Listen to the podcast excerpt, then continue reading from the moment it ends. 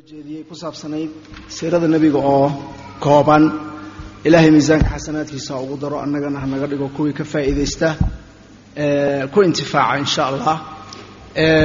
Waxaan filayaa in waqtigii soo gaadhnay maxaan ku idhahdaa birrif yar aan qaadan lahayn. Quraac yar loo bixi lahaa kadibna aan isugu soo laaban lahayn. Muxaadaradii labaad oo cinwaankeedu yahay yani akhlaaq lmustafa calayhi salaatu wasalaam nebi maxamed akhlaaqdiisa iyo suluukiyaadkiisa. Waxaana inoogu qoran muxaadirkeenna sheekh maxamed cabdi umal oo aan sugayno bacda alquraac markaan quraacno kadib inuu noo iman doono. Wajasaakum allahu khayran. Waxaan bixinayaa iclaamaad yar oo ku saabsan meesha fadhigeeda iyo nidaamkeenna aan ku socon lahayn. Laga bilaabo waqtigii aan muxaadarada bilownay oo ah akhlaaqiyaadkii suluukiyaadkii nebiga calayhi salaatu wasalaam aan u diyaar garowna inaan sheekha ka dhaysano muxaadarada labaad insha allah walytafadal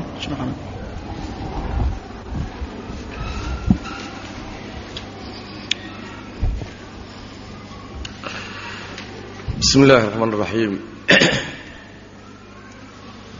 إن الحمد لله نحمده ونستعينه ونستغفره ونعوذ بالله من شرور أنفسنا وسيئات أعمالنا من يهده الله فلا مضل له ومن يضلل فلا هادي له وأشهد أن لا إله إلا الله وحده لا شريك له وأشهد أن محمدا عبده ورسوله يا أيها الذين آمنوا اتقوا الله حق تقاته ولا تموتن إلا وأنتم مسلمون يا أيها الناس اتقوا ربكم الذي خلقكم من نفس واحدة وخلق منها زوجها وبث منهما رجالا كثيرا ونساء واتقوا الله الذي تساءلون به والأرحام إن الله كان عليكم رقيبا يا أيها الذين آمنوا اتقوا الله وقولوا قولا سديدا يصلح لكم أعمالكم ويغفر لكم ذنوبكم ومن يطع الله ورسوله فقد فاز فوزا عظيما أما بعد فإن أصدق الحديث كلام الله وخير الهدي هدي محمد صلى الله عليه وسلم وشر الأمور محدثاتها وكل محدثة بدعة وكل بدعة ضلالة وكل ضلالة في النار معاشر الأخوات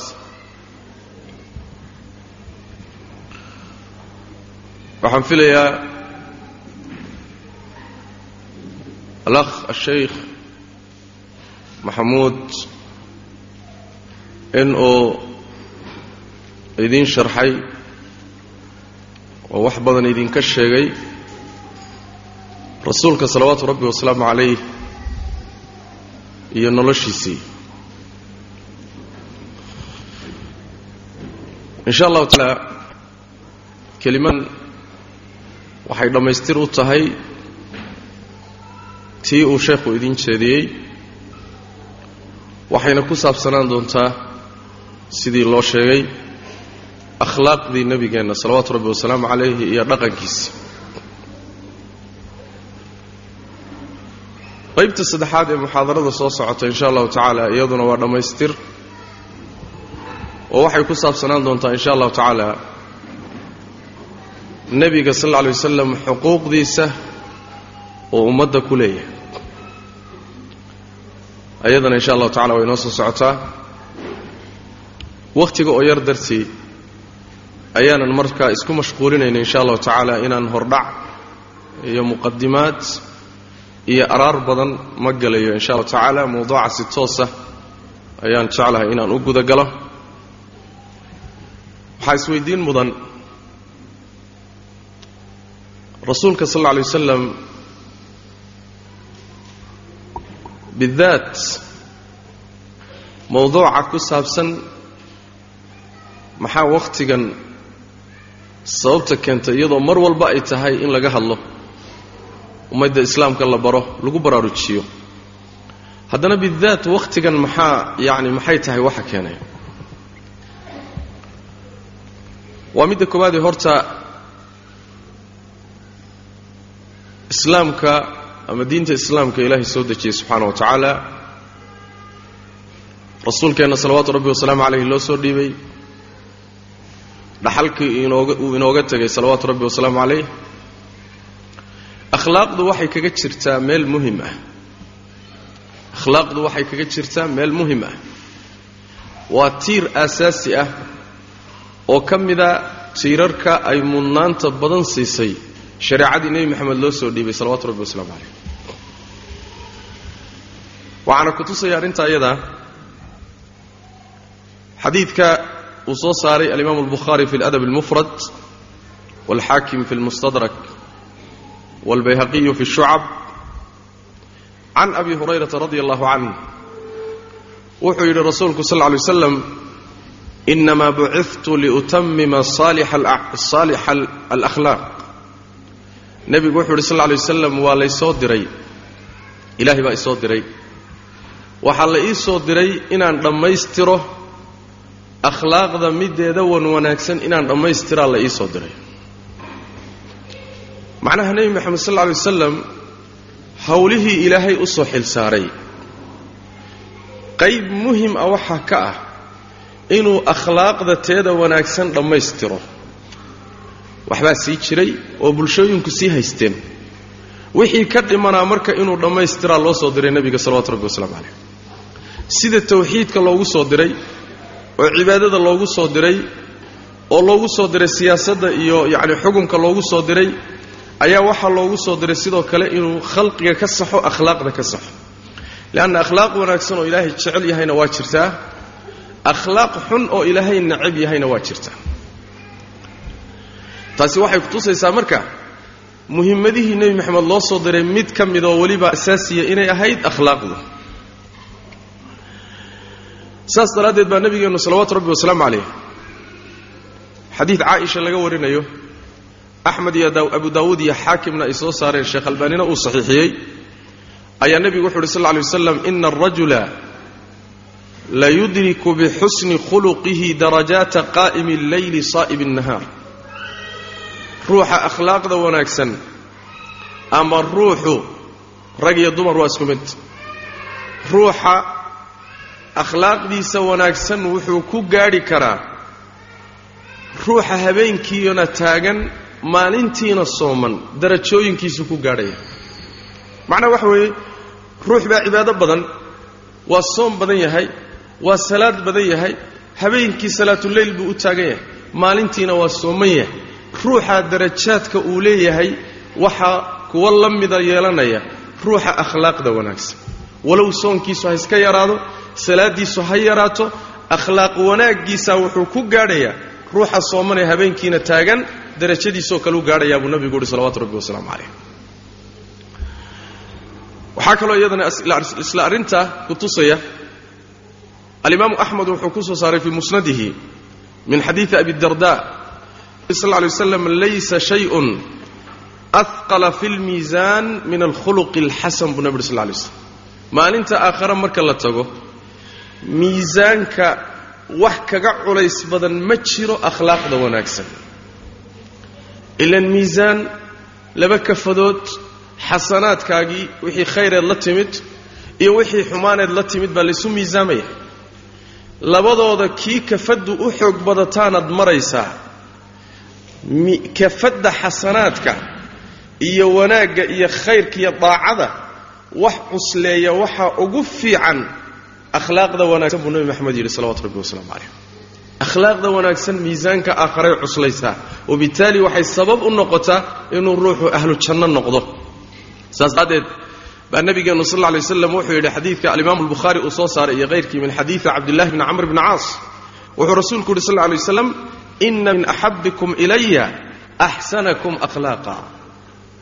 Dadka kuwaan ugu jeclahay waxaa ka mid ah kuwa ugu akhlaaq fiican buu nabi maxamed yidhi salawatu rabbi wasalaamu calayh. Rasuulku wuxuu jeclaa dadka akhlaaqda wanaagsan. Akhlaaqda xunna waa necbaa salawaatu rabbi wasalaamu calayh. Bal maalinta aakharo dadka ugu dhowaansho badan nebi moxamed sal lla lay wasalam darajadiisa iyo la darsidiisa dadka ugu dhowaansho badan jannada waa dadka ugu akhlaaq fiican wey wuxuu nabigeennu yidhi sal lla lay waslam xadiidka tirmidi uu soo saaray min xadiidi jaabir sheikhulalbanina uu taxsiiniyey ina min axabikum ilaya wa aqrabikum minii majlisan yowma alqiyaamati axaasinakum akhlaaqan buu nebi yuri sal lla alay slam dadka kuwiinna aan ugu jeclahay aan ugu kalgacayla badnahay. Maalinta aakharana iigu dhowaansho badan xagga booska iyo meesha uu fadhiisanaya uu degayo waa kuwiinna ugu akhlaaq fiican buu nabigu yuhi salawatu rabbi wasalaamu calayh kuwiinna ugu akhlaaq fiican akhlaaqda wanaagsan marka ruuxa adduunkana sharaf iyo magac iyo wanaag yay dhaxal siisaa. Aakharana darajo janno rido ilaahay naxariis alle darajaad sare ayay dhaxal siisaa. Meeshaasay markaa shareecada islaamku ay istaajisay akhlaaqda maadaama ay sidaas tahay marka. Oo akhlaaqdu halka ay diinta ay ka joogto islaam ka joogto akhlaaqda wanaagsan yaan ka qaadanaynaa wey. Xaggeen ka fiirsanaynaa. Yaan ka baranaynaa. Jawaabtu waxa weeyaan nebi maxamed salawatu rabbi wasalaamu calayh. Nebi maxamed baan ka baranaynaa. Isagaa wuxuu ahaa salawaatu rabbi wasalaamu calayh midka maxallu qudwatina wa mawdicu uswatina meesha aannu fiirsanno eenu ka qaadanno maxaa xun iyo maxaa wanaagsan miisaanka waxaa noo ahaa isaga maxaa xun? Haddaan ka tegayno miisaanku waa nebi maxamed salawaatu rabbi wasalaamu calayh. Maxaa wanaagsan haddaan doonayna inaan garannana miisaanku waa nebi maxamed salawaatu rabbi wasalaamu calayh? See buu ahaa suluuggiisii marka. Ilaan haddaad shay doonayso inaad samayso waxaa ka horraysa horta inaad barato. Waxaa ka horraysa horta inaad ogaato. Yaa ka horraysa allah subxaana wa tacaala isagoo tilmaamaya nebigu salawaatu rabbi wasalaamu calayh inuu ummadda islaamka dayasho u yahay iyo meelay ku daydaan ayuu allah wuxuu uhi subxaana wa tacaala laqad kaana lakum fii rasuuli illahi uswatun xasana. Rasuulka ilaahay dhexdiisa waxaa idinku sugan dayasho wanaagsan. Dayasho wanaagsan baa idiin sugan. Yaan ku dayannaa rasuulka ilahi salawatu rabbi wasalaamu calayh. Yaase ku dayanaya liman kaana yarju allaha walyowma alaakhir ninkii ilaahay iyo aakhare rajaynaya wey. Ninkii alle ka baqaya aakharana ka baqaya ruuxaasi waa ruuxa nebi maxamed ku dayan salawaatu rabbi wasalaamu calayh maxaynu meeshaa ka fahmaynaa? Waxaan ka fahmaynaa ruuxaan aakharana rumaysnayn. Allana aan ka baqaynin rajana aan qabin. Ruuxaasi waxa weeyaan nebi maxamed kuma daydo salawaatu rabbi wasalaamu calayh mana raaco mana raadiyo akhlaaqdiisii iyo dhaqankiisii iyo suluuggiisii ma raadiyo. Dayasho wanaagsan baa marka inoogu sugan kullamaa ruuxu uu u dhow yahay nebiga salawaatu rabbi wasalaamu caleyh akhlaaqdiisii iyo dhaqankiisii uu u dhow yahay. Dadka intooda kale waa ka fiican yahay waana ka hanuun badan yahay. Mar walba uu ka fog yahay nebiga jidkiisii iyo dhaqankiisii iyo noloshiisiina hanuunkii iyo wanaaggii waa ka fog yahay. Wabitaali ilahay naxariistiisa waa ka durugsan yahay subxana wa tacala allah subxana wa tacala waa ka qur'aanka inoogu sheegay wattabicuuhu lacallakum tahtaduun raaca baa layna yidhi nebi moxamed sal alla alay wasalam dhaqankiisii raaca akhlaaqdiisii raaca suluugkiisii raaca noloshiisii ku dayda maxaad helaysaan markaa? Lacallakum tahtaduun waad hanuunaysaan. Waad hanuunaysaan jidkii ilaahay baad qabsanaysaan. Jidkii jannada aad ku gaadhi lahaydeen baad markaa qaadaysaan. Ilaahay baad subxaana wa tacala naxariistiisa u tegaysaan. Jannaad helaysaan hanuunkaa waxaad ku heli kartaan. Inaad nebi moxamed raacdaan salawaatu rabbi wasalaamu calayh. Oo idaan midigna u leexanin bidixna u leexanin waddadaa uu ka tegay salawaatu rabbi wasalaamu caleyh iyo jidkaa inaad qaadaan sababta labaadna waa taa. Sababta saddexaad ee keentay mawduuca kulanku inuu noqdo rasuulka sal alla alay wasalam iyo inaan ka warranno. Waxaan u malaynayaa in horay laydinku sheegay aadna la socotaan. Wuxuu noqday rasuulku salawaatu rabbi wasalaamu calayh meeshii ugu dambaysay. Meeshii ugu dambaysay muqadasaadka muslimiintu ay qadisaan oo ay gaalo xalaashatay ay gaalo bannaysatay ay gaalo inay suuro xumayso tashwiihiso isku dayayso. Wabitaali dad badan oo muslimiinta ka mid ah oo nebiga jecel oo qalbiga ka jecel salawaatu rabbi wasalaamu calayh ahluliimaan iyo islaamna ah waxaaba laga yaabaaba inaynan la soconin war waxaan rasuulka ay ka sheegahayaan ma wax jiraa mise ma jiro. In dadka marka rasuulkooda la baray u baahan yahay nebigooda in la baray u baahan yahay been abuuradka gaaladu ay ku samaynayso si ay u gartaan inaysan waxba ka jirin wabitaali ruuxa muslimkaa qalbigiisa ay ugu weynaato jacaylka nebiga salawaatu rabbi wasalaamu calayh leanna kullamaa uu ruuxu daraaso ku sameeyo nebi moxamed noloshiisii salawaatu rabbi wasalaamu calayh qalbigiisa waxaa ku kordhaysa oo ku biiraysa weynayn iyo jacayl uu nebiga jeclaado salawatu rabbi wasalamu caleyh shaki kuma jiro leanna jawaanibta akhlaaqdiisa iyo dhaqankiisa runtii waxa weeye waa shay aad iyo aad cajab u leh ruuxana soo jiidan kara xataa iska dhaaf ruuxa muslimka ah gaalka si cadaalada u daraaseeya nebi moxamed noloshiisa salawaatu rabbi wasalaamu calayh waa ka markhaati kacaya inay tahay nolol cajiib ah oo iyadoo kale aan la helayninba. Maiil aan lahayn. Waana ka markhaati kaceen wakhtigiisii gaaladii noolaa nebiga salawaatu rabbi wasalamu caleyh wax ka midana waan arki doonaa. Waan rumaysannahay inayna gaalo hadday kulligeed isu tagto oo warbaahinteeda isu tagto oy iskaashadaan oy wax walba sameeyaan. Nebi moxamed maanta inaysan waxba yeeli karin maxaa yeele rabbigii baa subxaana wa tacala wuxuu idhi innaa kafaynaaka almustahzi'iin kuwa jees-jeesa. Annagaa kaa kaafinay buu rabbi yidhi subxaana wa tacaala. Rabbigii baa subxaana wa tacaala doortay sayidu waladi aadam weeye aadam intuu dhalay buu sayid u yahay. Saaxibu lmaqaami almaxmuud weeye khalaa'iqda oo dhan midka ay calankiisa berri hoos tegi doonaan wey gaal marka war uu sheeg sheegay horta waxba ma yeeli kara nebi moxamed salawaatu rabbi wasalaamu calayh. Taasi xaqiiqo aan hubno wey laakiin mas'aladu waxa weeye waa mas'alo ilaahay subxaana wa tacaala uu qadaray bixikmatihi albaaliqa uu ku qadaray. Hadduu qadarayna kolleyo kolley waxaa ku jirta dan un baa laga leeyahay xikmad baa laga leeyahay. Innagaa laynagu imtixaanayaa oo ka mida xikamka ku jira qadiyadan iyada ah innagaa waxaa layna tijaabinayaa haddaynu nahay ummaddii nebi moxamed salawaatu rabbi wasalaamu calayh bal nebigu heerkee buu inaga gaadhsiisan yahay markii wax laga sheego ilaa heerkee baynu danqanaynaa. Jacaylkiisu ilaa heerkee buu qalbigeenna jiraa. Raaciddiisa aan raacayno iyo weynayntiisu ilaa heerkeebay inoo jirtaayo. Macnaha wax weeyaan ay yaani agteenna ka tahay. Innagaa layna imtixaanaya difaac intee la eg baad difaacaysaan? Rasuulkiina salawaatu rabbi wasalaamu calayh markii la taabtoo la gaadho mas'aladu innagaa layna imtixaanayaa laakiin nebi moxamed salawaatu rabbi wasalaamu calayhi wax ma yeelin.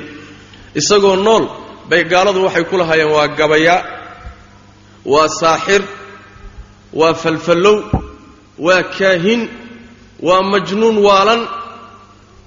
Noloshiisii bay lahaayeenoo intaaba akhriyaya haddana inay yidhaahdaan waa argagixiso oo bambaanuu isku qarxinahayaa waxa weeyaan atawaasaw bihi bal hum qawmun taaquun. Warku waa warkii hore un. Warku waa warkii hore laakiin mas'alada meesha ku jirtaayo waxay tahay muslimka markii diintiisa la taabto kitaabkiisa la taabto rasuulkiisa la taabto waa inuu iimaankiisu danqado wey waa inuu iimaankiisu dhaqaaqo. Markaasayna la tijaabinayaa bal inta aad jirto eed qodan tahay baa la tijaabinaya dadka qaarkiina waxay ku leeyihiin shekh maxaa ku jira? Maxaa mushkilo leedahay? Maxaa mushkilo waa la jiray? Nebiyadana waa la caayi jiray? Waxna waa la sheegi jiray? Maxaa arrinta maxaad u buunbuuninaysaa maxaa laga buunbuuninayaa buu ku leeyahy macnaheedu waxa weeyaan qalbigiisaan iimaanba ku jirinba. Danqasho ma leh. Danqasho ma leh. Doofaar baa ficilla la'aan loo cadaaba bay soomaalidu yidhahdaa ficillo ma leh. Waa doofaar oo kale wey iimaanku sheeganaya waxba kama jira ruuxa muslimkaee iimaanku dhabta ka yahay iimaanku daacadda uu ka yahayna walow ama waxa qaban karo ama yuusan qaban karin markii nebigiisa la taabto salawaatu rabbi wasalaamu caleyh waa danqanaya waa xanuunsanaya waa ka jiranaya hadduu wax qaban karana waa qabanaya. Natiijadu waxa weye marka innagaa layna imtixaanaya rasuulkeenna salawaatu rabbi wasalamu caleyh waxba lama gaadhsiin karo. Adduunkuna hadduu isu taga xataa waxba ma yeeli karayo macna. Akhlaaqdii rasuulkeenna marka haddaynu u nimaadno salawaatu rabbi wasalaamu calayh guud ahaan haddii la yidhahdo nebi maxamed akhlaaqdiisu say ahayd jawaab duuduuban oo koobanna ha laga bixiyo haddii la yidhahdo. Waxay ku eg tahay nebi maxamed salawaatu rabbi wasalaamu caleyh wuxuu ahaa qur'aanka oo soconayuu ahaa. Qur'aanku akhlaaq ma sheegay. Akhlaaqdii qur'aanku sheegay oo lugaynayso oo socota ayuu nebi moxamed ahaa salawaatu rabbi wasalaamu caleyh intaasi waa warka marka la soo ururiyo warka murtidiisa marka la soo ururiyo waa intaa caaisha radi allahu canha umu lmu'miniin ayaa waxaa la weydiiyey kayfa kaana khuluqu rasuuli lahi sal lla alay slam rasuulka akhlaaqdiisu say ahayd caaishoy ilan iyadaa muddo la noolay taqaanay. Markaase waxay tidhi radia allahu canha waardaaha kaana khuluquhu lqur'aan nebi maxamed akhlaaqdiisii qur'aankay ahayd. Adiga qur'aanka ma akhriday qur'aanku muxuu ka warramaya? Qur'aanku wuxuu ka warramayaa akhlaaq miihaali ah oo meeshii ugu sarraysay bini aadam akhlaaqdiisu ay gaadho. Ayuu qur'aanku ka warramaya. Qur'aanku akhlaaqduu sheegayey buu nebi maxamed fuliyey. Akhlaaqdii qur'aanka ayay akhlaaqdii nebi maxamed ahayd salawaatu rabbi wasalaamu calayh akhlaaqda qur'aanku sheegay. Taasay akhlaaqdiisu ahayd. Salawaatu rabbi wasalaamuhu calayh kaana acdama annaasi khuluqan. Kaana acdama annaasi khuluqan dadka ilaahay abuuray ninka ugu akhlaaq weyn buu ahaa ninka ugu situu ahaa ninka ugu qiimo badan buu ahaa.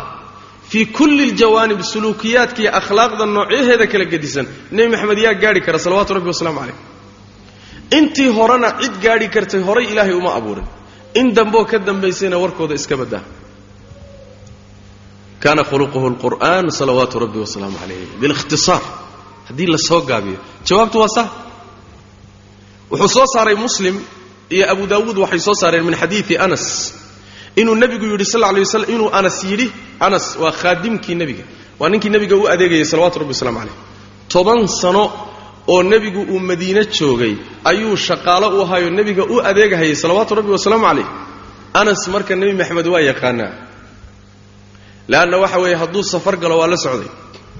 Gurigiisa hadduu joogana waa u shaqaynayo waa u adeegayay cadaygiisa iyo kabtiisa iyo weysadiisa iyo isagaa u diyaarinayay soo ma yaqaana marka? Waa yaqaanaa.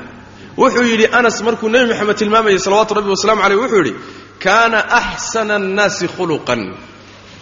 Wuxuu ahaa nebi maxamed dadka midka ugu wanaagsan xagga akhlaaqda. Dadkoo dhan ayuu ugu akhlaaq fiicnaa buu yidhi nebi maxamed salawatu rabbi wasalaamu caleyh taas marka markaynu soo gaabinno rasuulkeenna akhlaaqdiisu maxay ahayd waxay ahayd qur'aanka akhlaaqdiisa.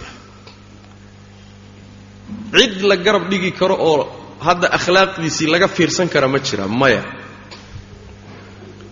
Maxaa yeeley akhlaaqdii nebi maxamed cid la imaan kartaba dhammaanteed baaban jirinba bal haddii hadda laysku dayaba in la tilmaamoo la sifeeyo oon isku daynaba inaynu soo bandhigno nebi maxamed akhlaaqdiisii ninka inoogu faseexo badan ee inoogu aftahansan ee inoogu aqoon badan ma koobi karo akhlaaqdii nebi maxamed salawatu rabbi waslm mana sifayn karayo ma tilmaami karo salawaatu rabbi wasalaamu caleyh wax waa ka sheeg sheegi karaa laakiin inuu soo koobo oo siday ahayd u soo gudbiyaay ma suroobi karto.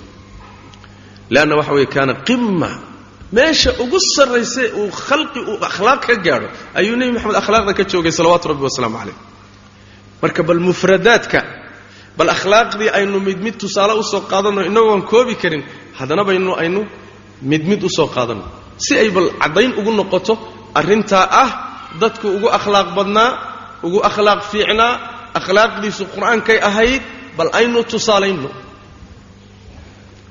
Tusaalaha koowaad waxa weeye. Nebi maxamed salawaatu rabbi wasalaamu caleyh akhlaaqda uu qur'aanku tilmaamay waxaa ka mid ah ee ilaahay subxaana wa tacaala uu addoommadiisa ugu yeedhay xishoodkaa ka mid ah xishoodka nebi maxamed see buu ahaa xishoodkiisu dadku ugu xishood badnaa salawaatu rabbi wasalaamu caleyh dadku ugu xishood badnaa waxaana ku tusaya xadiidka abu saciidin alkhudri alimaamu albukhaari uu soo saaray wuxuu nebigu wuxuu yidhi abu saciidin alkhudri kana الnabiyu salى اllahu عalayhi wasalam ashadda xayaaءa min alcadraa'i fii khidriha nebigu sal lla alay waslam wuxuu ahaa mid ka xishood badan gabadha aan weli la guursanin asturkeediina ku jirta. Gabadha aan weli la guursanin ee asturkeedii ku jirta waxaa laga wadaa gabadh hooyadeed iyo aabbaheed iyo gurigay ku dhalatay joogta. Dhaqankii muslimiintu ay lahaan jireen waddamada carabtana hadda in badan ka jirta bulshooyinka carabta ah yaa wuxuu ahaa gabadha ilaa iyadoo sharaf leh gurigeeda lagala wareegoo la guursado. Gabadhu meel asturan bay ku jiri jirtay. Ragga ismayna gaadhi jirin. Ismana ayna sheeko aqoonin. Bannaankana laguma arki jirin. Halkaasay ku asturnaan jirtay ilaa la soo doono si sharafle loola wareego guri kaloo sharafle ay ku wareegto. Gabadha marka weli aan la guursanin asturkeediina ku jirtooo weli aan asturkeeda ka soo bixin gabadh gabadh gabdhaha ugu xishood badan wey ma taqaano ragga iyo haasaawihiisa ilaan haweentu hadday bixiddeedu badato waxay baranaysaa ragga iyo sida loola haasaabo waxay baranaysaa jidka iyo yacni waxa weeyaan suuqa. Waxaa in yar in yar u milmayo oo baaba'aya. Xishoodkii iyo sariigtii baa in yar in yar u baaba'aysa ilaa ay marka dambe noqotoba in iyada laga xishoodo mooye inaynan xishooninba. Laga carara mooye. Ilaa marka dambe ay gaadhaba sida dumarka qaarkood hadda ay yihiin inay u qaadataba xishood darradu inay ilbaxnimo tahay. Ilbaxnimo. Oo midda xishoonaysa ay tidhaahdaan maxaad isla duuduubi maxaad isla guluubaysaa adduunku waa dhaafay meeshan adduunku waa tegey. Xilligii laysguluubihaa lama jooge xidigaha iyo dayaxa la degahayaa aduguna meeshan aad ku duuduubanta. Soo ma jeed ilaa heerka ay gaadho marka nebi moxamed salawaatu rabbi wasalaamu calayh gabadhaas asturkaa dhexdiisa ku jirta welina aan la guursanin ee bikaarada ah nebi moxamed baa ka xishood badnaa salawaatu rabbi wasalaamu calayh wa xuqa lahu dalika salawaatu rabbi wasalaamu calayh liannahu kaana akmala annaasi iimaanan. Dadka xagga iimaanka midka ugu kaamilnimo badan buu ahaa xishoodkuna iimaankuu ka mid yahay. Bal nebigeenna waxaa ka sugan sal lay waslam inuu yidhi iimaanka iyo xishoodku way isku lamaan yihiin. Midkood hadduu tago ka kalena waa tegey. Midkood hadduu tago ka kalena waa tegey. Ina mima adraka annaasu min kalaami اnubuwati اluulaa ida lam tastaxyi fasnac maa shiit hadallada murtida ah ee nebiyadii hore laga hayo waxaa ka mid a haddaadan xishoonayni waxaa doonta samee ruuxu wuxuu doonuu ku kacdaya mar haddiiba xishoodku ka dhammaaday leanna iimaankii baa ka dhammaaday idan waalxayaau min aliimaan maadaama xishoodku iimaanka uu ka mid yahay nebi moxamed baa dadka ugu iimaan roonaa uguna iimaan kaamilsanaa. Wabittaali isagaa ugu xishood badnaa salawaatu rabbi wasalaamu calayh. Khuluqu lxayaa oo maanta sii dhimanaya oo khaasatan reer galbeedku ka tageen oo bahaa'im iyo xoolo noqdeen. Bini aadamka xishoodkii lagu yaqaanayee dadnimadiisu ku jirtay way lumiyeen. Inta kaleeto ee iyaga raacsan ama ummadaha kalena waxay doonayaan inay meeshooda soo gaadhsiiyaan. Khuluqa xishoodka nebi moxamed sal lla alay waslam wuxuu ahaa kaana ashadda annaasi xayaa'an salawaatu rabbi wasalaamu calayh qodob waa qodobka. Akhlaaqdiisii waxaa ka mida nebi moxamed salawaatu rabbi wasalaamu caleyh qiimaha badnayd. Deeqsinimada. Deeqsinimada xagga deeqsinimadana nebigu wuxuu ahaa sal alla alay wasalam miihaal lagu dayduu ahaa. Cabdullaahi bnu cabbaas radi allahu canhu baa wuxuu rasuulka ka warinayaa xadiid imaamuulbukhaari uu soo saaray. Wuxuu leeyahay kaana alnabiyu sala allahu calayhi wasalam ajwada annaas wa ajwada maa yakuunu fii ramadaana xiina yalqahu jibriil wa kaana jibriilu yalqaahu fii kulli leylati min ramadaan fayudaarisuhu lqur'aan nebi moxamed salawaatu rabbi wasalaamu calayh wuxuu ahaa midka dadka ugu deeqsisan inta deeqsinimadiisu ay tahayna waxay ugu badnayd bisha ramadaan dhexdeeda markuu jibriil u yimaado jibriilna ramadaankiiba hal mar buu u imaan jiray markaasuu qur'aanka la darsi jiray oo la akhri jiray fala rasuulu llahi sal lay waslam ajwadu bilkhayri min alriixi almursala. Nebi moxamed salawaatu rabbi wasalaamu caleyh khayrka wuxuu kaga deeqsisanaa dabaysha la soo diray ee naxariista wadda. Isagaa uga degdeg badnaa. Dabayshu waa dabayshee roobka soomaydaan ah. Roobka iyo naxariista ilaahay dabaylaha wada ee faafinaya ee daruurta wada. Nebi maxamed baa khayrka ugana deeqsi badnaa ugana degdeg badnaa salawaatu rabbi wasalaamu calayh bukhaari iyo muslim waxay soo saareen min xadiidi anas inuu yidhi kaana axsana annaas wa ajwada annaas wa ashjaca annaas. Nebi maxamed ma rabtaa inaad barato? Wuxuu ahaa dad midka ugu wanaagsan ugu deeqsisan uguna geesisan buu ahaa salawatu rabbi wasalaamu calayh raggii yaqaanay wa kuwa? Asxaabtiisii la noolaaday wa kuwa gaal uu xiqdi buuxiyey oo wakhtigan jooga nebi maxamed wuxuu ka sheegi soo unbeen ma ah. Raggii la noolaaday wakaa raggii la noolaaday oo u khidmayn jiray oo yaqaanay nebi moxamed sal alla alay wasalam runta ka sheegay raggaasay ahaayeen. Kaana ajwad annaas dadku ugu deeqsisanaa salawaatu rabbi wasalaamu calayh. Deeqsinimadiisa waxaa ka mid ah sida uu kutusaya xadiidka anas xaakim uu soo saaray sheekhuna uu saxiixay sheekhu alalbani caleyh raxmat ullah wuxuu leeyahay anas kaana laa yus'alu shay-an ilaa acطaahu aw sakat. Nebi maxamed haddii la wax la weydiiyo baahidaa badnayd sidaad garanaysaan saxaabada ridwaanullahi calayhim baahidooda aad u badnayd. Maxaa yeele waxba mayna haysan. Qaarkood way soo hijiroodeen oo dhulkay degi jireen bay ilaahay dartii uga soo qaxeen. Dhul ayna degi jirin iyo bulsho kaley dhex yimaadeen waxba ma haystaan. Waad garanaysaan ayagoo duulaya bay caleenta cuni jireen ridwaanullahi calayhim caleentay cuni jireen ilaa ay qowlalladoodan ay yacni waxa weye caleentii dhaawacdo oy booga ku samaysmaan leanna caleenta markuu bini aadamku cuno afkiisu uma adkaysan karayo boog baa ku dhalanaysa. Ilaa qaarkood ay saxaroodaan oo saxaraday dhigayeen ay noqoto saalada xoolahoo kale. Ridwaan ullahi calayhim jamiican. Asxaabu rasuulillahi asxaabu rasuulillahi ayadoo baahidaasi ay jirto bulshadaasi saa u baahan tahay. Maxay kula tahay nebi maxamed imise goor baa loo imaan karaa wax la weydiin karaa marka? Ilan kullamaa ay baahidu badato. Waxa weeyaan waxaa caadiyo dabiiciya inay badato yani in loo yimaado ruuxa markaa mas'uulka ah oo baahida loo soo bandhigo. Saa ay tahay haddana nebiga sal lay waslam isagoo wax la weydiiyey oo haddana yidhi laa lama hayo. Isagoo inta la weydiiyey maya yidhi lama hayo hadduu wax hayana nebigu waa bixin jiray. Hadduusan hayninna waa aamuusi jiray.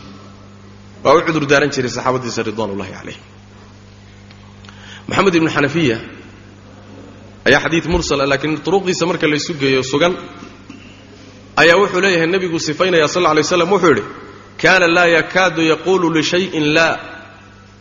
Ma sigi jirin nebigu sal lla lay wasalam kumana dhowayn haddii shay la weydiiyo inuu yidhaahdo maya maya maba aqooninba. Maya ma dhihi jirin hadduu damco inuu shaygaa la weydiiyey bixiyana haa buu dhihi jiray. Waana bixin jiray. Hadduusan markaa hayninna wuxuu dhihi jiray mayada isagoo iska ilaalinaya buu aamusi jiray nebigu sal lay slam hadduu aamuso marka inta wax la weydiisto saxaabadu waxay garan jireen inuusan wixii haynin. Lama sii dabageli jirin laguma sii yani waxa weeyaan laguma sii riixi jirinoo laguma celcelin jirin. Leanna hadduuba aamusay nebi maxamedoo inta wax la weydiiyey aamusay macnaha wixii buusan haynin wey. Aamuskiisaasi marka waxay ka dhigan tahay bimacnaa ma hayo oo kale. U fiirso. Laa maya. Mayadaasaan jirin. Maya. Nebi maxamed salawatu rabbi wasalaamu caleyh qaalibka muusan isticmaali jirin waxayna ka mid tahay deeqsinimadiisii bay ka mid tahay nebiga salawaatu rabbi wasalaamu caleyh xadiidka imaam bukhaari uu soo saaray min xadiidi jubayr bni mucim wuxuu leeyahay isagoo rasuulka la socda sal alla alay wasalam saxaabadiisiina ay la socdaan. Markuu xunayn ka soo noqday xunayn markuu ka soo noqday xunayn waa dagaalkii ka dambeeyey furashadii maka markuu nebigu intuu qanaa'intii qaybiyey iyo xoolihii laga qabsaday nimankii reer hawaasin iyo haqiif iyo intuu qaybiyey uu soo noqdo jidka uu soo hayo ayaa nebiga sal lla lay wasalam facaliqahu nnaasu yas'aluunahu. Dadkii baa ku dhegay. Dhinacyaha laga marayoo dad badan baa intay jidka u istaageen. Baa nin walba ku dhegoo yidhi isii anigana xoolo. Xata daruuhu ilaa samuratin. Siday nebiga u haysteen nebiguna dibdib ugu guranahayay ayaa waxa weeyaan nebiga salawaatu rabbi wasalaamu caleyh waxay ku kallifeen inuu geed inuu geed geedaha qodaxda leh ka mida geed qudhac ah inuu nebigu sal lla lay wasalam xaggiisa u durko. Siduu ugu sii durkayay ugu sii durkayey gu'iisii uu watay buu geedkii ka qaatay. Qodaxdii baa intay ku dhegtay bay geedkii iyo maradii la hadhay. Markaasuu nebigu istaagay salawaatu rabbi wasalaamu calayh intaa waa dadkii iyaguna way ku soo siqayaan oo nasiibay leeyihiin xoola nasiib. Isaguna dibdib buu u guranaya salawaatu rabbi wasalaamu calayh ilaa uu geedkii galay oy maradii uu geedkii kala hadhay markaasaa nebigu intuu istaagay buu wuxu uhi salawatu rabbi wasalaamu calayh actuunii ridaa'ii war go'ayga isiiya war go'ayga isiiya low kaana lii cadadu hadihi alcidaax nacaman laqasamtuhu baynakum.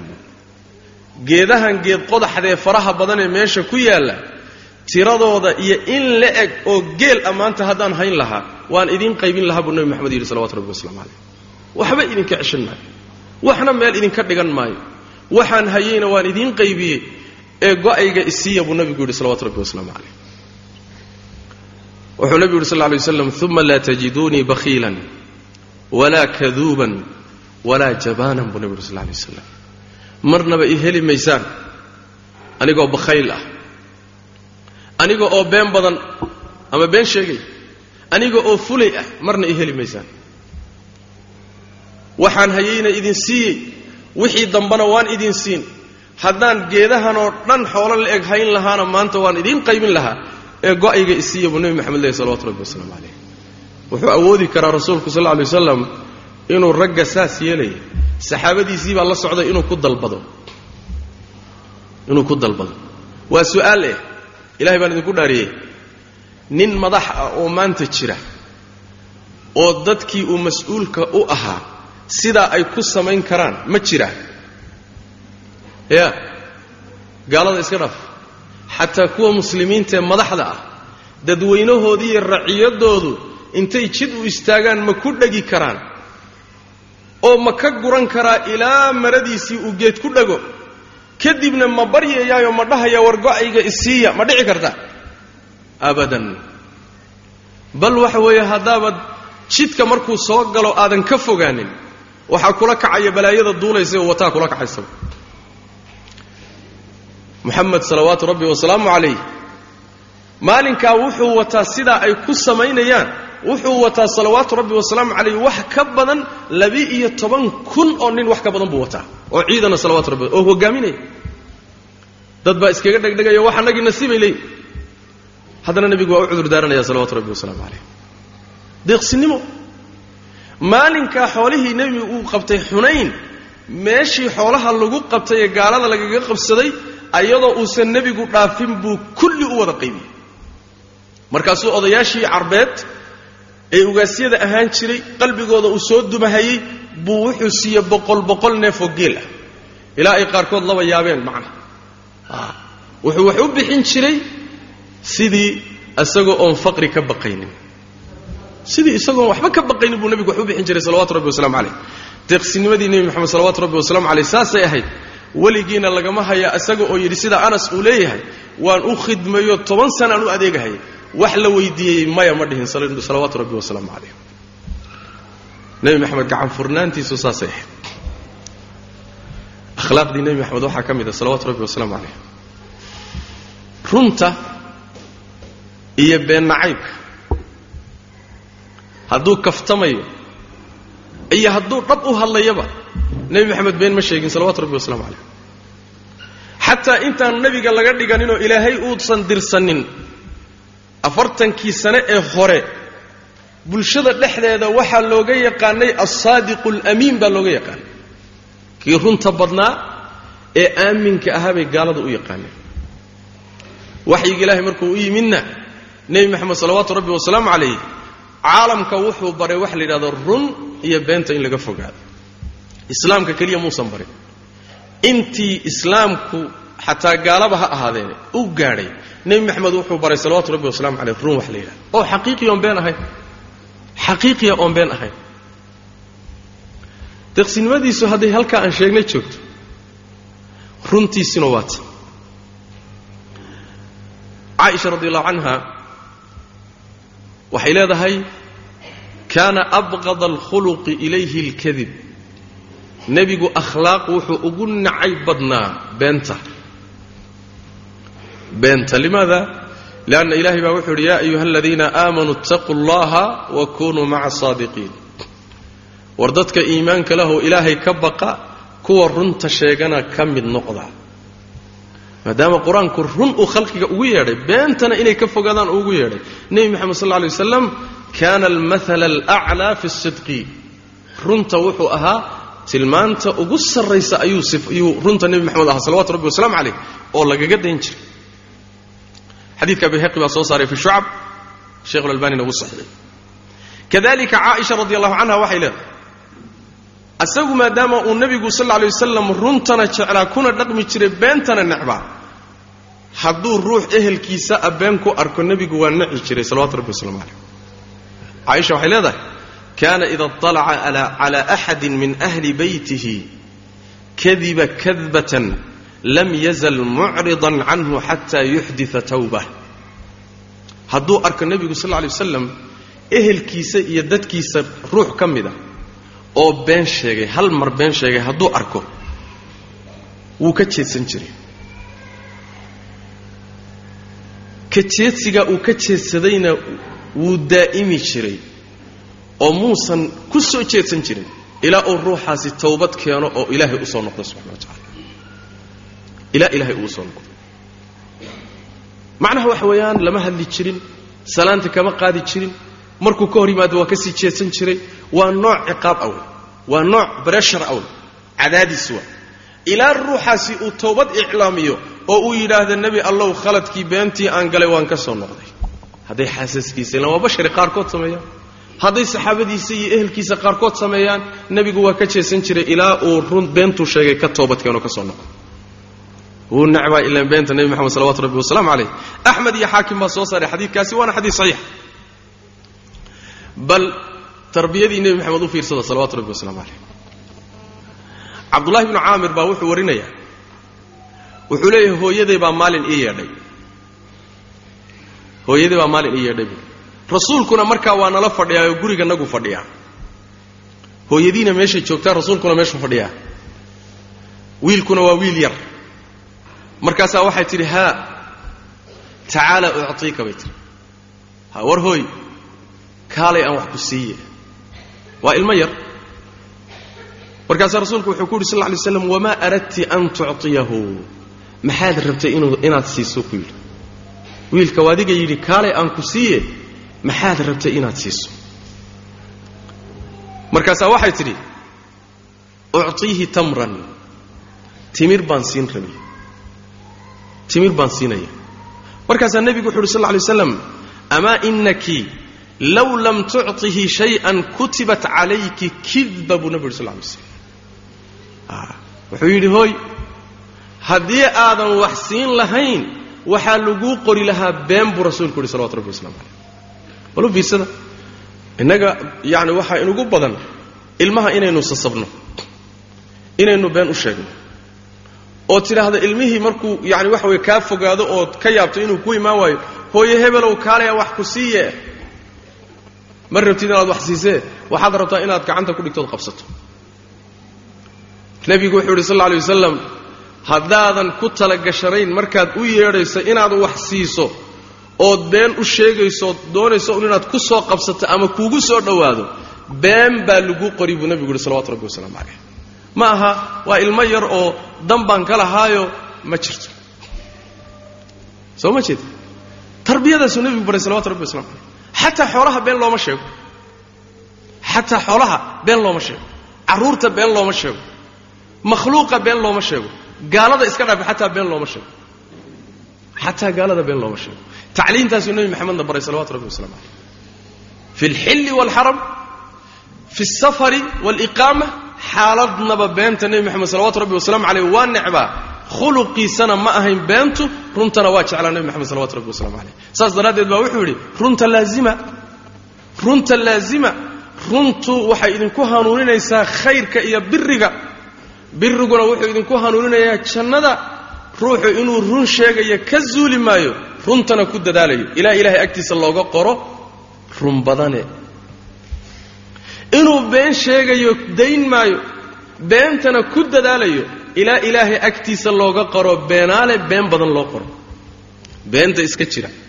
Fujuur iyo dunuub bay idiin jiidaysaa. Fujuurka iyo dunuubtaasina naar bay idinku hanuunayaan oo idiin jiidayaan. Tacaaliimu rasuuli llahi sal alay waslam tacliimtaasuu nebi moxamed ummaddiisa uga tegay salawatu rabbi wasalaamu calayh. Khuluqu sidqi. Nebi moxamed wuxuu ahaa qimatan buu ahaa salawatu rabbi wasalam isagaa lagaga daynaya. Saa ay tahay haddana ummaddan buu maamulayay xaasas buu lahaayoo maamulayay ummaddan ummaddiisii oo dhan oo yacni kumanyaal ah buu maamulayay gaaluu la mucaamaloonayay. Marnaba laguma haya nebi maxamed oo been sheegay salawaatu rabbi wasalaamu calayh. Adduunkan maanta haddaynu u nimaadno madaxda iyo inta jidkooda haysaba iyo siyaasiyiinta waa laba wajiilayaal. Intooda badanna waa beenaalayaal. Intooda badanna waa beenaalayaal siyaasad baa loo bixiyaa beentii haddaadna maqasho waa siyaasi bimacnaa waa beenaalow halkan markuu kula joogana war iyo weji buu ku joogaa. Xagga markuu tagana war iyo weji buu ku joogaa. Waa midaba badan yahay sida oday jirjiroolah. Oday jirjiroolaha sooma taqaanaan? Kolba geedkuu saaran yahay buu midabkiisa isu ekaysiiya hadduu caleen cagaaran saaran yahay waa cagaaran yahay. Hadduu geed jirridiioo madow saaran yahay waa madow yahay kolba meeshuu jooguu midabkiisa qaataa maanta siyaasiga jooga ee ummadda hor joogaayay ilaa man raxima rabbuka. Intooda badan gaal intaan la gaadhin kiwii muslimiinta ahaa. Beentaasay ka baayac mushtaraan. Aaway akhlaaqdii nebi moxamed salawaatu rabbi wasalaamu calayh. Ummadda waa hoggaamin jiray. Ummadda isagaa hoggaaminayay. Haddana maca dalika rasuululahi sal lla lay wasalam been laguma baranin. Lagamana baranin. Runta ayuu ku dadaali jiray. Hada khuluqu rasuli lahi sal lla lay waslam ayb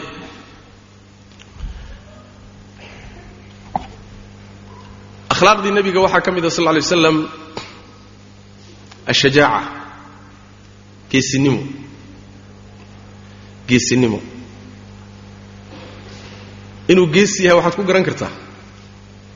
Bal geesinimadiisa inaan la sawiri karinba isagoo keligii ah oo wax labeeyo uusan jirinoo ku lamaan ayaa ilaahay intuu malag u soo diray buu wuxuu ku yidhi farriintayda qaad adduunkao dhanna gaadhsii keligii isagoo ah oon dhaqaalo loo soo dhiibin oon cid kale garab looga dhigin baa xil la saaray oo waxaa la yidhi adduunka ka hortag oo waajah. Adduunkoo dhinac u jeeda dhinacuu u jeedo ka soo jeedi. Ma arrin fudud ba nin fulaya hawshaa ma qaban kara? Ya fulay ma qaban karo. Fulay haan sii jeedda xataa ma soo jeedin karo mas'uuliyadda uu qabtay iyo xilka rabbigii saaray. Iyo sida uu u gutay oo uu u waajahay baad ka garan kartaa nebi moxamed sal lla alay waslam inuu ahaa miaalun munqaicu nadiir fi shajaaca salawaatu rabbi wasalaamu aleyh caalamkao dhan buu la dagaalamay oo uu ka guulaystay. Oo madiina inta loogu yimid baa dhinacyaha laga maray oo laysugu tegay oo la hareereeyey haddana uma jexinjexin nebi moxamed salawatu rabbi wasalaamu aleyh uma jexinjexin lianna waxa weeye rabbigiibaa subxaanahu wa tacaala qalbigiisa wuxuu geliyey shajaaco iyo geesinimo aan caadi ahayn. Bal dhowr tusaalayaal aynu ka qaadanna geesinimadii nebigeenna salawaatu rabbi wasalaamu calayh iyo akhlaaqdaas qiimaha badan ee uu lahaa. Anas wuxuu leeyahay kana nabiyu sal lla lay waslam axsana annaas wa ashjaca annaas wa ajwada annaas. Nebi moxamed sal lla wasalam dadku ugu wanaagsanaa dadkuna ugu geesisanaa dadkuna ugu deeqsisanaa walaqad fazica ahlu lmadiinati fakana nabiyu sal lay waslam sabaqahum calaa faras habeen baa waxaa dhacday. Magaalada madiina isagoo nebigu joogo sal lay waslam baa waxaa soo yeedhay qaylaa soo yeedhay. Ilan magaaladu cabsi unbay ku noolayd xagga cadow baa ka jira xagga cadow baa ka jira xagga cadow baa ka jira waa hal magaalo oo nebi moxamed iyo saxaabadiisu ku urursan yihiin. Qabaa'isha ku hareeraysanoo dhanna col bay leeyihiin dowladaha ka sii shisheeyana col bay leeyihiin qaylaa soo yeedhay marka waa habeennimo. Qayladii markay soo yeedhay saxaabadii waa la diyaargaroobay nebigu mar alla markay qayladu soo yeedhay isagoo ninna sugin faras caddaysin ah oon kooro lahayn intuu fuulay bee meeshay qayladu ka timid buu u hormaray nebigu salawatu rabbi wasalaamu calayh.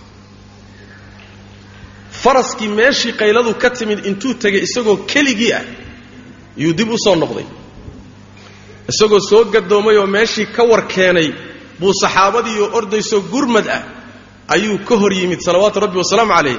Markaasuu yidhi ina celiya wax dhiba ma jirtee lan turaacuu buu nebi yuri sal lay slm lan turaacuu wax cabsiya ma jirte ina celiya buu rasuulku yuri sal lla alay waslam ilahay baan idinku dhaariya balu fiirsada.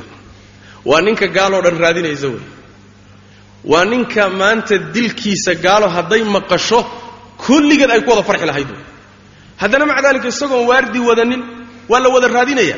Isagoon waardi wadanin ninna la soconin faras caddaysina intuu fulay buu meeshii qayladu ka timid buu u hormaray salawatu rabbi wasalamu calayh. Wuu soo sahmiyey wuu soo arkay inaysan waxba jirin. Magaaladii iyo saxaabadii dib ugu soo noqday. Mushkila ma jirto ku yidhi mushkila ku jirto. Haway ninka hogaamiyaha ninka madaxda ninka mas'uulka ah ee ciidankiisa intuu ka horbaxo meeshii qayladu ka timid ku dhexdhacaya kee wey kulligood waxay ka wada shisheeyaan derbiyo iyo ciidamo iyo tichnico iyo waxaynaan garanaynin bay xagga shishe ka jiraan markaasay wada baqayaan. Nebi maxamedna saasuu ahaan jiray salawatu rabbi waslamu caleyh bal ninku kullamaa ay mas'uuliyad iyo xil u kordho fulaynimadaa ku kordha. Waa wax la yaqaano wey. Kullamaa uu mas'uul noqdo oo uu jago sare helo fulay buu noqdaayoo goobaha dagaalka waa ka cararaa darbiguu gadaal ka maraa laakiin nebi maxamed ma ahayn salawatu rabbi wasalaamu caleyh miaalka labaadi wuxuu ahaa ee rasuulka sal alay waslam geesinimadiisa muujinaysa. Waxay ahayd xadiidkaa horta waxaa soo saaray bukhaari dhacdada labaadi waxay ahayd maalintii xunayn. Xunayn waa dagaalkii sannadkii sideedaad dhacay. Markuu nebigu maka qabsaday kadib ayuu wuxuu ku duulay qabiil la yidhahda hawaasin oo uu maqlay waxay isku urursadeen maka agteeda. Inay soo duulaan bayna rabaan. Nebigu wuu kala hormaray salawatu rabbi waslamu aleyh meeshoodiibuu ugu tegey xadiidka waxaa laga warinayaa arrintaa ku saabsan bara ibnu caazib. Nin baa wuxuu weydiiyey bara ibnu caazib waa mar dambe. Wuxuu ku yidhi afarartum can rasuuli illahi sal lay slam yowma xunaynin bara'ow maalintii xunayn nebiga miyaad ka cararteen? buu yidhi. Maalintii xunayn nebi maxamed miyaad ka cararteen? Markaasaa wuxuu yidhi laakina rasuula اllahi sal lay slam lam yafira rag cararay waa jireen laakiin nebi maxamed ma cararin buu yidhi. Ma cararin. Say wax u dhaceen kaanat hawaazinu rumaatan buu nimanka ree hawaasin la yidhahdeen la dagaalamaynay. Niman waxay ahaayeen shiishka yaqaano oo ku dagaalama leebabka. Niman dagaalyahamiin oo balaaya ka dhacday bay ahaayeen. Niman noocaasaan qaabilay buu idhi markaannu weerarkii ku qaadnay waannu jebinay waan kala helnay buuhi markay carareen baa xoolahay ka tageen baan ku jeedsannay buui xoolihii khanaa'imtii baan ku jeedsannay buui annagoo khanaa'imtii ku jeednaa intay nagu soo jeedsadeen bay waxay raaxada nagaga qaadeen leebab iyo wax kastoo la ganay nagu sii daayeen markaasaa rag badan intay ishayn waayeen bay carareen. Dhabarkaa la jeediyey. Maalinkaa saxaabada in badanoo ka mida ay goobta ka carareen xaaladoo halis noqotay darteed nebi maxamed muxuu sameeyey sal lay waslam wuxuu idhi walaqad ra'aytu rasuula allahi sal lay slam calaa baklatihi albaydaa. Maalinkaa nebi maxamed baan arkay buuhi oo baqashiisii caddayd saaran abuu sufyaan ibnulxaaris oo adeerkiina uu baqasha hoggaankeeda haya iyo xadhiggeeda. Baqasha nebiguna wuxuu u sii erday eryayaa xagga gaaladu ka soo yaacaysuu ku sii ordaya saxaabadiisiina qaarkood waa carareen. Markaasaa haddana wuxuu leeyahay ana alnabiyu laa kadib ana bnu cabdilmualib nebigii baan ahay beenna ma ah ina cabdilmualib baan ahay beenna ma ah ma aha nin isqarinaya ma. Aha waa marka koobaade wuxuu saaran yahay horta waa baqal. Baqali meel ma gaadho. Farasna kama fakan karto. Baqal buu saaran yahay. Nin cabsanaya baqal ma fuulee faraska kiisa dheereeyuu fuulaa. Si ugu cararo xaaladdu markay xumaato. Waa marka labaada meeshii laga soo cararayee cadowgu ka soo yaacayeen ee raggu u adkaysan waayeen buu ku sii ordayaa baqashiisa ku sii eryaya waa marka saddexaade isma qarinayee wuxuu leeyahay waxaan ahay nebigii waxaanan ahay ina cabdilmualib yaa iraba wey. Yaa iraba ninkii iraba waa ikan adeerkiina hoggaankiibuu hayaayo wuxuu celinayaa baqashii buu celinaya oo wuxuu ka yaabayaa inay kula dhex dhacdo gaaladan soo yaacaysa inay la dhex gasho ay nebiga dilaan salawatu rabbi wasalam lakiin nebigu yacni dan kama leh salawaatu rabbi wasalaamu calayh maalintii uxud markii saxaabada intay waxoogaa laga ilhelay yacni arrintii dhacday ay in badanoo ka mida carareen. Nebi maxamed salawaatu rabbi wasalaamu caleyh ma cararin. Buurta uxud buu salka la galay. Saxaabadiisana halkaasuu uga yeedhay. Ilaya cibaad allah war addoommadii ilahayow xaggayga war xaggayga war xaggayga buu leeyay ma carari jirin nebi maxamed salawatu rabbi waslamu caleyh mahma kaanat iduruuf ma carari jirin. Mana aqoonin cararka salawaatu rabbi wasalaamu caleyh si kastoo xaaladdu u xumaato meeshaa inuu dib uga gurto lama hayo inuu horay u socdo mooyaane. Soo geesinimo meeshii ugu dambaysay maaha geesinimo meeshii ugu dambaysay wey haadihi khuluqu muxamadin sal alla alay wasalam yaa man laa yacrif ninkii aan aqooninow nebi moxamed akhlaaqdiisii taasay ahayd salawatu rabbi wasalaamu calayh rujuuliyo iyo ragannimo iyo shakhsiyad iyo dadnimo buu ilaahay u dhammaystiray subxaana wa tacaala. Maba aqooninba waxa la yidhaha cabsi ismayna aqoonin nebi moxamed salawatu rabbi wasalaamu calayh bal allah subxaana wa tacala wuxuu ka magangeli jiray fulaynimada waxyaaluhu aad ugu ducaysan jiray bay ka mid tahay. Allaahumma innii acuudu bika min aljubni ilaahu fulaynimaan magankaaga ahay ilaahu waxaan kaa magangelayaa fulaynimo. Fulay dad ma ahe xadiidkii waa inagii soo marnay uma laa tajiduunii bakhiilan walaa kaduuban walaa jabaanan. Marnaba i heli maysaan. Anoo beenaalo ah. Fulay ah. Bakhayl ah marna i heli maysaan. Wa ficlan lama arag. Intuu noolaa salawaatu rabbi wasalaamu calayh dagaaladii u adkaanoo uu galay lama hayo nebi moxamed salawaatu rabbi wasalaamu calayh oy fulaynimo gashay. Dagaalkii beder buu galay saddex boqol iyo dhowr iyo toban nin buu ku galay. Wuxuu waajahay kun iyo ziyaado kana yacni tiknika iyo macnaha waxa weeyaan farda badan kana rag badan. Haddana uma jixinjixin nebi moxamed salawatu rabbi waslamu calayh. Dagaalkii uxud buu galay uma jixinjixin. Saxaabadiisii qaar ka mida waa ku carar. Haddana dan kama gelin salawatu rabbi waslamu calayh. Dagaalkii axzaab baa yimid waa laysu bahaystay. Carab iyo wixii ku dhex noolaa baa isu bahaystay soddon beri baa la dul deganaa in ku dhow oo magaalada madiina la dul deganaa haddana nebi maxamed isma dhiibin umana jixinjixin salawatu rabbi waslamu calayh wahaakada salawaatu rabbi wasalaamu calayh xayaatuhu iyo noloshiisu waxay ahayd geesinimay ku dhehleen akhlaaqda rasuulkeenna salawaatu rabbi wasalaamu calayh waxaa ka mid ah cadaalad. Caadil buu ahaa. Dulmigana waa necbaa. Shay walbana meeshiisuu dhigi jiray addoommada ilaahayna waa u sinaayeen. Inna akramakum cinda allaahi atqaakum. Waxaa loo kala iyo karaamo sharaf iyo karaamo badnaa sida ilaahay cabsidiisa loogu kala roon yahay. Laakiin nin carab ah cajami kama fadli badnayn agtiisa. Nin madow ana nin caddaana kama fadli badnayn. Nin taajir ana nin faqiira kama fiicnayn. Nebi maxamed agtiisa salawaatu rabbi wasalaamu calayh dadka ahluliimaanka nebi maxamed agtiisa waa ku sinaayeen. Hadday sad yimaado ama haniimo ama fay ama sadaqo wixii la qaybin lahaana nin walba baahidiisuu nebigu wax ku siin jiray salawaatu rabbi wasalaamu calayh umana kala eexan jirin. Sax reer buu ka dhashay qoys buu ka dhashay dhulka kama soo bixin. Laakiin reerkiisa iyo reeraha kale nebi moxamed salawaatu rabbi wasalaamu caleyh isku sibuu wax u siin jiray. Saa wey cadaalad buu ahaa oo nebi moxamed sal alay waslam dulmiga ma aqoonin. Hal miiaal baan ka qaadanaynaa arrintaa iyadaa waa iska caan wey laakiin hal miiaal baynu ka qaadanayna.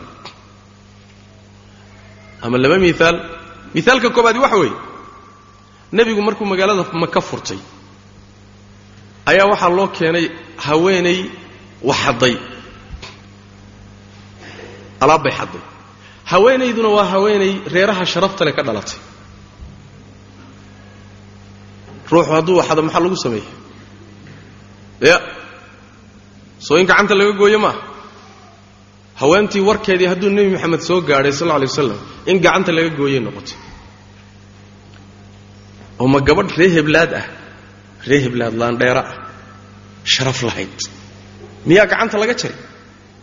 Odayaashii arrintaasi waxoogaa waa u cuntami wey waxay yidhahdeen war yaa nebiga inagala hadla. Yaa agtiisa weji kulan u dirsannaa usaamaa ku roon baa la yidhi usaamaa nebigu jecel yahay aabbihiina jeclaan jiray. Usaama aynu u dirsanno usaamaa loo yimid waxa war usaame war gabadhii ina heblaad ahaydee qoyska sharafta leh ka dhalatay. Maanta in gacanta la gooyey qarka u saarantahay nebiga u tagoo la hadal. Usaama meeshii buu ka soo xaydxaytay nebigu u yimid salawatu rabbi wasalaamu calayh wuxuu rasuul ilaahayow waxaan erge ka ahay gabadhaa maanta in gacan gooynta laga baajiyo. Nebigu waa xanaaqay salawatu rabbi wasalamu aleyh waa cadhooday markaasaa wuxuu ku yidhi atukallimunii fii xaddin min xuduud illaah usaamo ma waxaad igala hadlaysaayoo maanta ka ergaynaysaa xad ilaahay xuduudihiisa ka mid a usaama waa isku naxay markaasaa wuxuu yidhi istakfir lii yaa rasuula allah rasuulka ilaahi waan khaldamay. Ilahay dembi dhaaf ii weydii. Galabtii markii la gaadhay dhacdadaasi markay dhacday kadib oo galabtii la joogo ayuu nebigu khudbo u istaagay salawatu rabbi wasalaamu calayh markaasuu ilaahay ammaanay wuxuu yidhi amaa bacdu intaa kadib. Fainamaa ahlaka annaasa qablakum dadkii idinka horreeyey waxaa baabi'iyey oo halaagay annahum kaanuu idaa saraqa fiihim ashariifu tarakuuhu. Dadkii idinka horreeyey waxa baabi'iyey wuxuu ahaa mid agtooda magac iyo sharaf ku lahoo reer wanaagsan ka dhashay hadduu waxado farahay ka qaadi jireenoo waa la saamixi jiray. Wa idaa saraqa fiihim adaciifu aqaamuu calayhi alxad mid aan tabar lahayn sharaf lahayn reer xoog badan aan ka dhalanin hadduu waxadana xadday ka oogi jireen gacanta ka goon jireen ama waa dili jireen kolba xaddu miday tahay. Marka ninkii aan wax iska celin jirin unbaa xuduuddu ku socon jirta laakiin ninkii magac lahoo reer leh ummadihii hore idinka horraysay ninkii sharaf leh xuduudda waa ka saamixi jireen. Arrintaana waa ku halaagsameen buu nebigu yuhi salawatu rabbi wasalaamu calayh hadalkan qiimaha badan buu nebigu ka dambaysiiyey dhegaysta. Wuxuu rasuulku yuri sal lla lay waslam waaladii nafsu muxammadin biyadihi low anna faatimata binta muxammadin saraqat laqatactu yadaha buu nebigu yuri salawatu rabbi waslamu calayh gabadha uu maxamed dhalay isagaa isku wada ee faadumo la yidhaahdo hadday maanta waxadi lahayd gacantaan ka goyn lahaa buu nabi maxamed yidhi salawatu rabbi waslam nin kale looma raadiye oo gabadh ka sharaf badan miyaa jirta gabadh ka sharaf badan. Miyaa carab ka dhalatay bal kaba dhalatay macnaha bini aadan ka dhalatay? Gabadhtii ugu sharaf badnayd wey nebi maxamed baa dhalay salawaatu rabbi wasalaamu calayh oo afdalu khalqi illaahi ah sayidu waladi aadam ah. Ayaduna waxa weeye waa sayidatu nisaa'i aljanna sida nebiga ka sugan sal lay wasalam dumarka jannada geli doona sayid waxaa u ah faaduma khadiijaa dhashay ood garanaysaan um lmu'miniin uu alla samada ka soo salaamay malakul jibriil soo salaamay nebigu uu jannada guri ku yaalla ugu bishaareeyey khadiijaa dhashay. Gabadha ka sharaf badan miyaa jirta marka? Hadday faaduma xadi lahayd buu nebigu yuri sal lla lay wasalam gacantan ka goyn lahaa buu rasuulku yidhi salawaatu rabbi wasalaamu calayh soo cadaalad meeshii ugu dambaysay maaha xukumka bulshada ku soconayaa gabadhaydana ku soconaya wey carruurtaydana ku soconaya ehelkaygana ku soconaya anigana igu soconaya ma la jiro wax la yidhaahdo dabaqada hoose ee tabarta daran axkaam bay leedahay.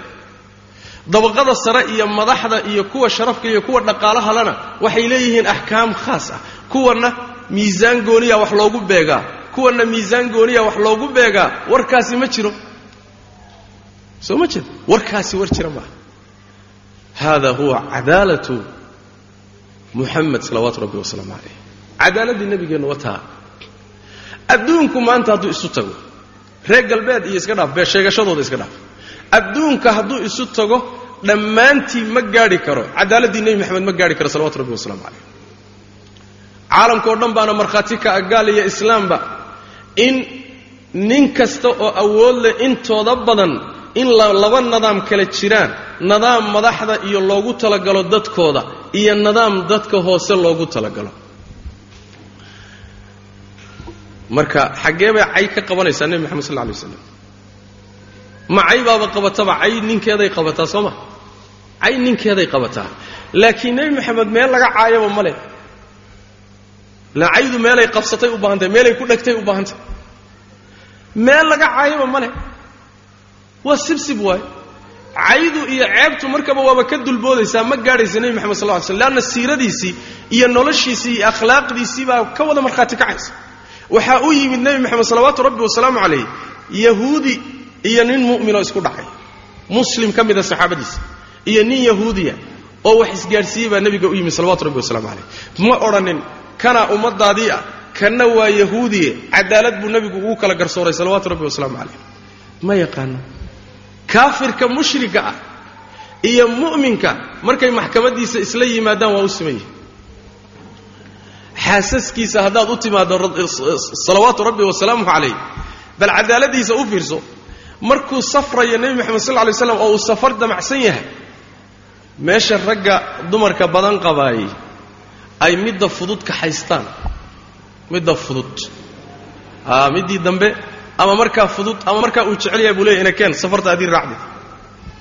Oo dee tanba adaa cusleeyey way fududayd soo maha taniba way fududayd. Ma ahayn nebi maxamed salawatu rabbi waslamu caleyh see buu ahaan jiray? Hadduu safar u bixi rabo xaasaskiisa midda raacaysa wuu u qori tuuri jiray. Markii u qori tuurana midda qorigeedu soo baxdaa raaci jirta nebiga salawatu rabbi wasalaamu calayh ma aha caaishaan jeclahayoo iyadu mar walba hayla socoto ilan dumarka caaishuu nebigu ugu jeclaa. Jacaylku waa meel dhaqankuna waa meel. Jacaylka qalbiga wax la mulkin karo ma aha. Mana hanan kartid mana bedeli kartid.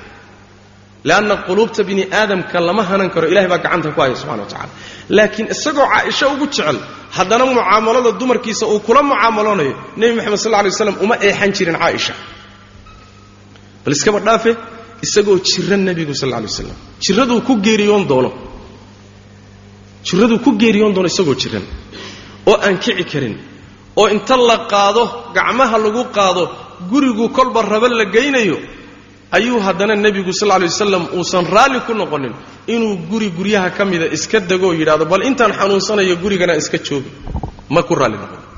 Xaasaskiisiibuu isugu yeedhay salawaatu rabbi wasalaamu caleyh markaasu wuxuu ku yidhi waad aragtaan inaan jiranahay oonan socsocon karin ee waxaan idinka codsanayaa inaad ii oggolaataan guriga hebla in laygu baxnaaniyo waayahay bay yidhaahdeen. Waa ka oggolaadeen intii ka horraysay habeen kasta inta la qaadaa midda wakhtigeedu uu yahay ayaa gurigeeda la geynayay haddana inta laga qaadaa guriga labaad la geynaya bal ilahi baa idinku dhaariya u fiirsada. Haddana maca daalika qur'aanku wuxuu sheegayaa qaybinta dumarka loo qaybiyo habeennada dumarka laysla qabo nebiga waaba laga saamaxayba.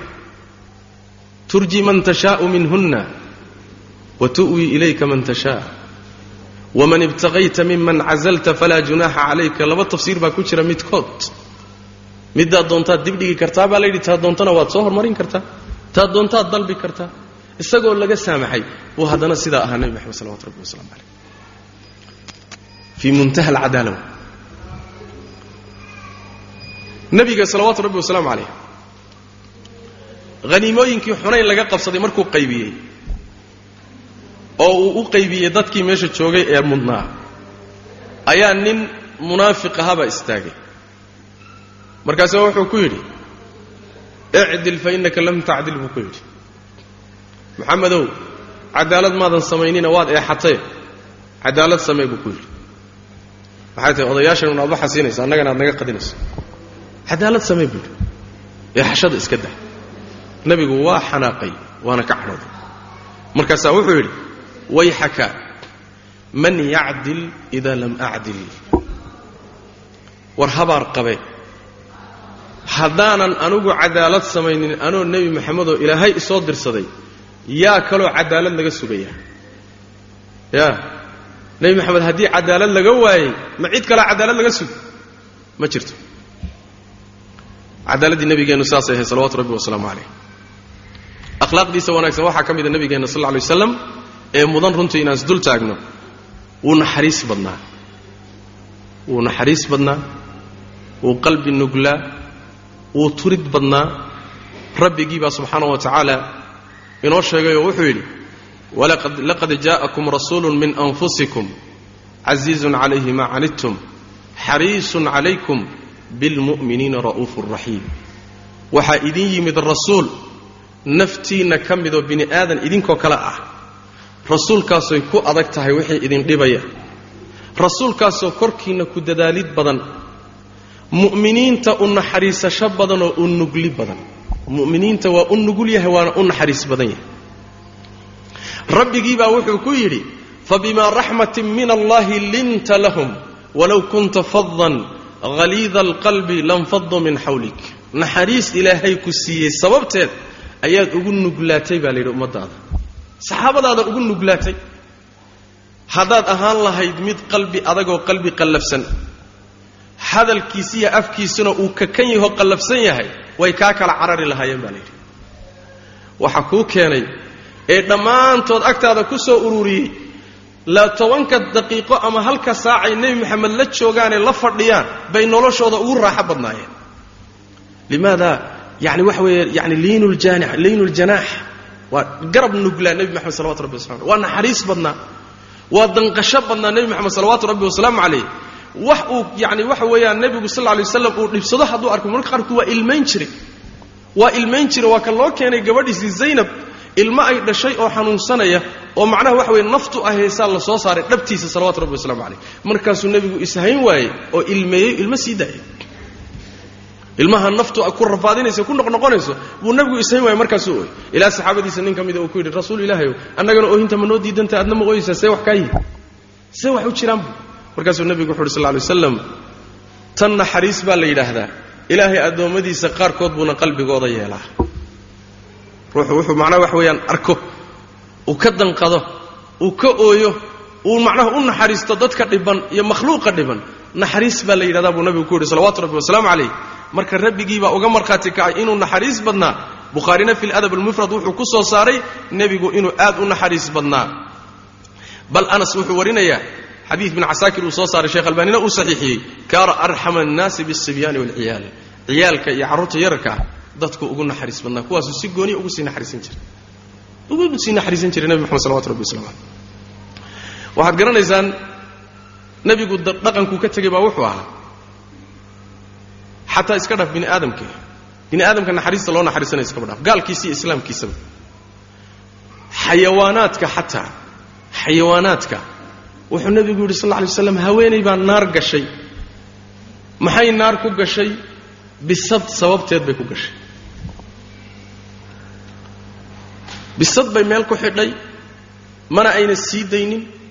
Waxay cuni lahaydna mayna siinin.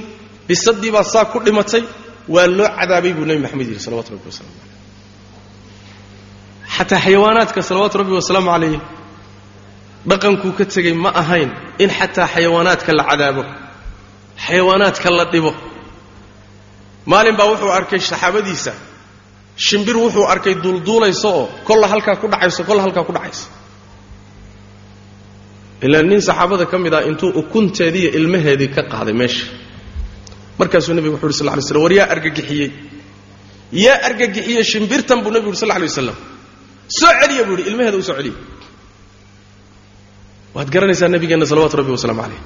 Wuxuu yidhi haweenay zaaniyad ah oo dumarka jidhkooda gada ah ayaa ey ay waraabisay dartii jannada ku gashay. Ilahay baan idinku dhaariyay bal masalkaa u fiirsada.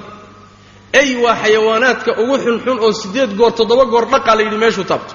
Weelku afka geliyo haddana nebigu tacaaliimtiisu maxay ahayd? Ey yay aragtay ooman ceel bay gashay biyay u soo dhaamisay eygiibay biyo siisay ilaahay baa ku shukriyey oo jannay ku gashay. Dembigeediina waa loogu dhaafay. Hadihi tacaaliimu rasuuli lahi sal lay waslam waa naxariis.